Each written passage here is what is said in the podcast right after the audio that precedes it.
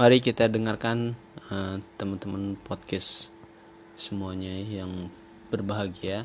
Tausiah pagi ini perginya ruh ketika nyawa baru saja dicabut. Kemudian kejadiannya adalah ketika seseorang itu meninggal dunia, sebelumnya kita harus mengerti di dalam hadis riwayat Barra bin Azib, manusia itu ketika telah meninggal dunia sebelum dia meninggal dunia dia melihat kumpulan para malaikat-malaikat. Kalau dia adalah orang yang mukmin, para malaikat yang datang kepadanya adalah malaikat-malaikat yang berwarna putih pakaiannya cerah, membawa kain kafan dan membawa minyak wangi dari surga. Hadis yang diriwayatkan Barra bin Azib. Idza kana al-mu'min fi inqita'i minad dunya nazala ilaihi malaikatu minal malaikah. Ma'hum kafanu min aqfanil jannah wa hanutu min hanutil miski Sesungguhnya kalau orang iman yang beriman itu akan meninggalkan dunia maka datang kepadanya para malaikat putih pakaiannya rombongan sejauh mata dia memandang makanya perhatikan orang-orang ketika akan meninggal dunia apabila dalam keadaan sakit tidak melihat ke kanan tidak melihat ke kiri tidak melihat ke bawah ada nggak kita melihat orang sakit melihat ke bawah? Dia selalu melihat ke atas. Karena pada dasarnya para malaikat itu ada. Fajalasu ingdamud bil basar. Rasulullah Sallallahu Alaihi Wasallam berkata, para malaikat yang datang itu, maka kemudian mereka itu datangnya duduk sejauh mata memandang. Kalau kemudian apa yang dilakukan Ustaz? Kalau orang sudah melihat ke atas, ditawari apa-apa sudah tidak pingin, Pak ini ada satu miliar, dan nggak gores. Rukonya gratis dan nggak melihat.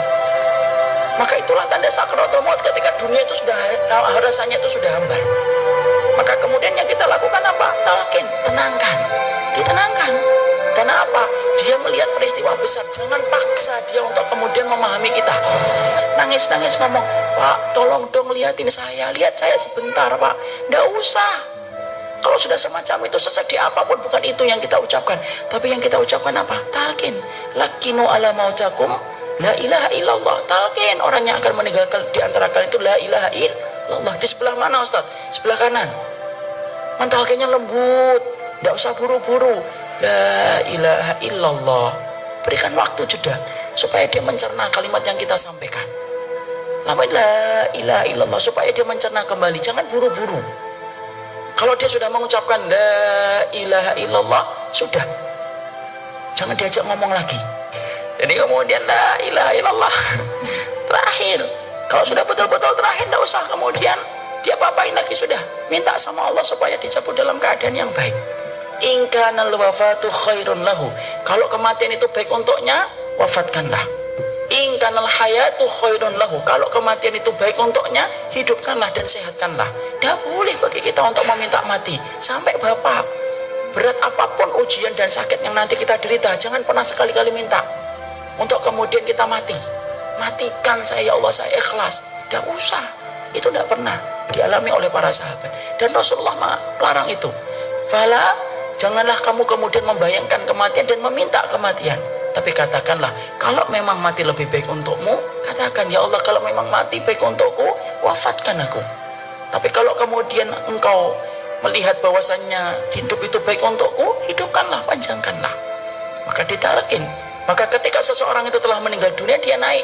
Kain kafannya, ruhnya itu pakai kain kafan. Maka para malaikat tadi yang membawa kain kafan, yang membawa kemudian minyak wangi, membungkus itu dengan kain kafannya. Masya Allah ya. Sampai jasad dan ruh itu ada pakaiannya. Diatur ada berpakaian itu. Jangan remehkan berpakaian itu termasuk di antara perkara yang dikonsep oleh Allah yang maha alim. Sampai mati pun dikonsep. Bagaimana pakaiannya? Ada orang hidup tidak mau diatur cara berpakaian oleh Allah dia kemudian dibungkus lagi dengan kaifan kafan itu diberikan minyak wangi dari surga ngetok-ngetok pintu langit yang pertama fastaftahu bab Para malaikat-malaikat itu ketika mengantar roh yang pertama, ketika ini adalah orang yang beriman, meminta langit yang pertama dibukakan. Ini menunjukkan bahwasanya langit itu berlapis-lapis. Makanya yang paling ancai, paling puncak itu dinamakan sidratul muntaha. Sidra itu apa? Bidara. Karena memang yang paling atas ada bidaranya. Meminta langit yang pertama dibukakan. Ketika mereka melihat orang yang beriman pulang kepada Robnya, maka para malaikat-malaikat itu kemudian berkata, Mani ruh, hadal tayyib. Siapa ini pemilik ruh? Disebutkanlah nama yang terbaik yang pernah dia miliki ketika hidup di dunia. Rame, rame langit itu. sampai nembus langit yang ketujuh minta dibukakan kemudian Allah bersabda Allah berfirman fa'iduhu ilal ardi kembalikan dia ke bumi di situlah aku kemudian menciptakannya dan di situlah aku akan membangkitkan kembali maka dikembalikan oleh para malaikat itu lalu kemudian bersemayam ke dalam jasadnya itulah proses kematian kalau sakaratul mautnya lama Ustaz sabar sabar jangan ditinggal di situlah ujian betul-betul berat ketika seseorang itu berada di ujung kematiannya. Jangan ditinggal. Terus talkin sampai kemudian dia menghadap kepada Allah. Kalau kemudian matanya terbuka setelah dia meninggal dunia, tidak usah ngomong apa-apa, cukup Allahumma fillahu warfa darajatahu fililin. Ya Allah semoga engkau ampuni, engkau angkat derajatnya sudah tutup matanya. Nah, maka di situ kemudian akhirnya dimulailah fase yang sebenarnya kita bahas Kapan seseorang itu akan berandai-andai? Yaitu adalah yang pertama, diandai-andai oleh kemudian seseorang itu ketika dia meninggal dunia. Kapan? Ketika dia itu naik ke atas kerandanya. Ya. Makanya Rasulullah Shallallahu Alaihi Wasallam kemudian bersabda dalam satu hadis yang sahih yang diriwayatkan dari jalurnya Imam Bukhari. Idza wudi'atil janazatu fahtamalah rijal kalau kemudian jenazah itu sudah diangkat lalu kemudian sudah diletakkan jenazah dan diangkat laki-laki. Maka apa yang kemudian diandai-andaikan oleh si mayat? Fa in kanat salihatan qalat qaddimuni. Fa in kanat ghairu salihatan faqala ya wailaha aina yadhhabuna biha? Yasma sautaha kulla syai'in ilal insan lau sami'aha la sa'iqah. Rasulullah SAW kemudian berkata, sesungguhnya si mayat itu pertama kali ketika diletakkan di atas keranda, kalau dia adalah orang yang solih, maka sesungguhnya dia akan berkata, Qaddimuni, segerakan aku. Jadi ketika jenazah itu pertama kali naik ke keranda, dia tidak memikirkan keluarganya. Keluarganya nangis, sedih, enggak dia kemudian sudah membayangkan hal yang sangat menggembirakan menuju ke liang lahat untuk mendapatkan panen dari setiap perbuatan yang telah dia kerjakan.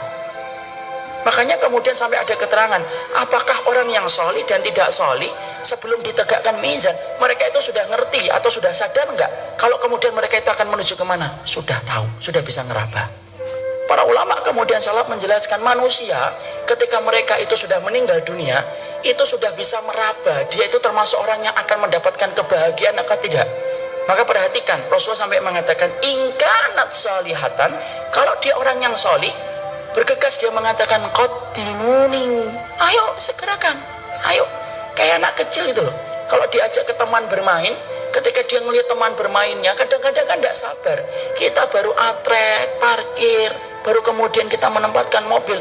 Anaknya sudah buka kunci mobil sudah turun sudah lari ke tempat bermain. Karena tidak sabar. Itulah perumpamaan kias. Menggambarkan tentang orang-orang yang mereka itu kemudian meninggal dunia. Ketika pertama kali dia itu kemudian dinaikkan ke atas keranda maka sesungguhnya dia langsung berkata kodimuni kodimuni fa'inkanat ghairu salihah. Kalau kemudian ternyata dia tidak salih Fakhalat lalu kemudian dia berkata, Ya wailaha, aina yadhabuna biha. Dia dalam keadaan ketakutan. Lalu kemudian dia berkata, ini ke mana? Celaka sekali. Dia ngomong kepada orang-orang yang ngangkat dia. Hei, ini ke mana? Celaka sekali kalian ngangkat saya ini. Mau kan aja ke mana kalian ini? Sampai kemudian Rasulullah mengatakan, Yasma sautaha. Didengarkan itu suaranya oleh setiap orang. Lau sami ahal insan, kalau suara itu mampu didengar oleh manusia, lasaika, manusia itu pasti akan pingsan mendengar suara jeritannya. Jadi Allah itu membatasi pendengaran kita itu hikmahnya besar. Kalau kita pendengaran kita dibuat tanpa batas, tidak bisa tidur. Karena ketika kita tidur, dengar penduduk kubur sedang disiksa. Kalau kita penglih pendengarannya kemudian tidak dibatasi, kita tidak bisa tidur ketika kita mendengar ada orang yang jerit-jerit ketika baru meninggal dunia, ketika dia protes. Dibawa ke mana saya? Makanya para salah berkata, Allah membatasi penglihatan kita, Allah membatasi pendengaran kita itu hikmahnya besar. Kalau tidak dibatasi, tidak akan hidup tenang kita untuk melihat ataupun mendengar sesuatu yang sebenarnya tidak perlu kita dengarkan. Jadi itulah yang pertama, jadi menggambarkan bahwasanya kebahagiaan itu langsung dirasakan orang-orang yang pertama kali meninggal dunia. Maka sesungguhnya itulah yang menjadikan kita perhatikan, kenali Allah dalam keadaan sempitmu, lapangmu supaya Allah itu mengenal kamu dalam keadaan lapangmu. Inilah yang menjadi kabar gembira tempat pertama kali ketika jenazah itu baru kemudian diwafatkan, dinaikkan di atas keranda dan dia bergegas. Dia ingin mengatakan bergegas. Andai si mayat itu bisa bicara, maka Allah menyampaikan lewat lisan Rasulullah, dialah orang yang berkata dan berteriak, segerakanlah saya untuk sampai ke liang lahat kalau dia adalah orang yang solih. Kalau kemudian dia bukan orang yang solih, dia akan teriak ketakutan. Dia memarahi orang yang memikulnya karena dia ngerti. Sesungguhnya segala macam siksa dimulai ketika dia akan dibawa ke liang lahat.